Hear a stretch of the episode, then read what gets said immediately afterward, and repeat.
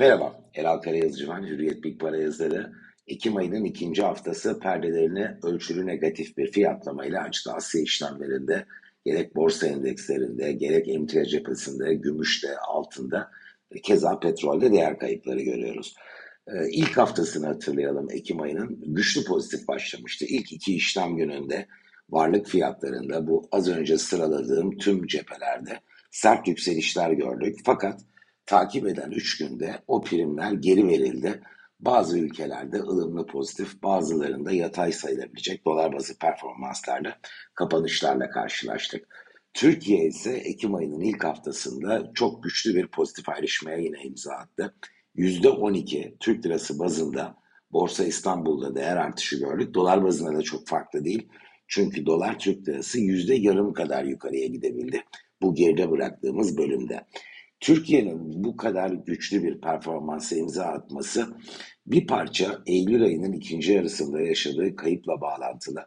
Ama neresinden bakarsak bakalım dünya borsalarında e, 2022 yılına damgasını vuran cephe Borsa İstanbul. Lokal para birimi bazında bakarsak yüzde 155'lik bir artış görüyoruz BIST 100 endeksinde.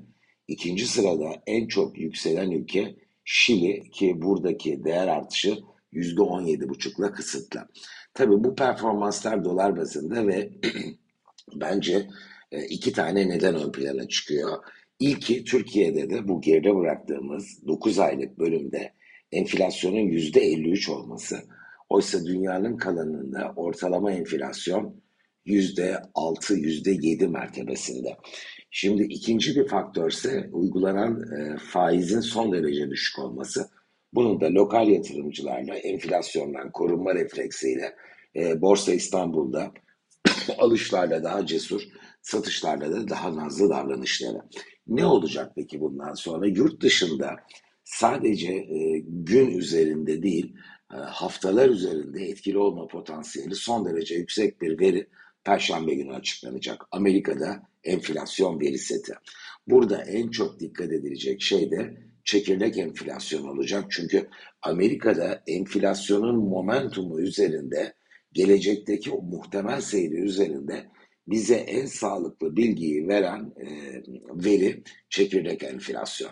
Geride kalan ayları hatırladığımızda son açıklanan 5 e, verinin 4 tanesi beklentinin üzerinde gerçekleşti. Özellikle Eylül ortası gelen e, Ağustos verisinde biz beklenti binde 3 e, artı iken binde 6'lık bir gerçekleşmeye şahit olduk ve sert satış geldi. Diğer verilere baktığımda bu son 5 ayda açıklananlar tamamının ayın ikinci e, yarısındaki seyir üzerinde e, etkili olduğunu görüyoruz.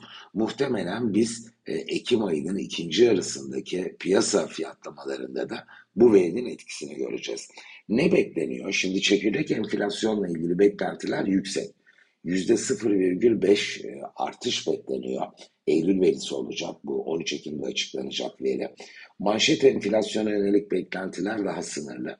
Binde ikilik bir artış ve yıllık enflasyonun 8.3'ten 8.1'e gerilemesi bekleniyor.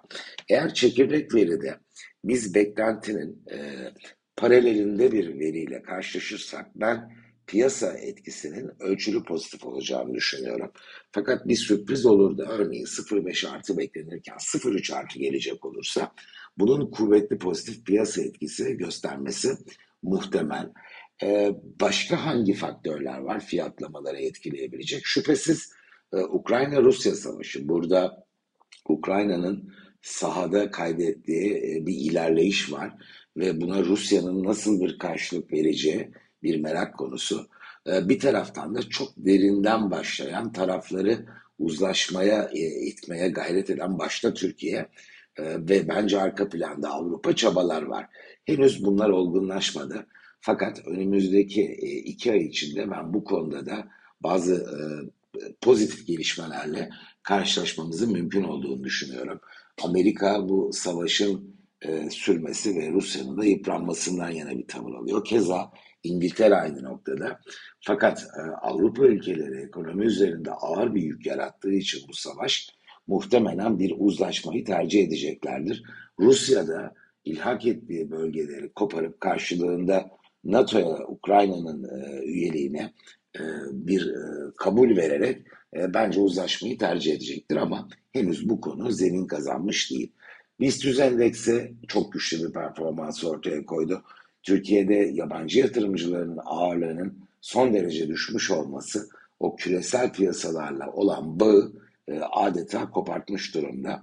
Bu nedenle fiyatlama daha lokalize şekilde gelişiyor ve henüz e, yurt içi faktörler içinde de Borsa İstanbul'da keskin veya e, kalıcılık gösterecek bir değer kaybı için herhangi bir işaret görünmüyor.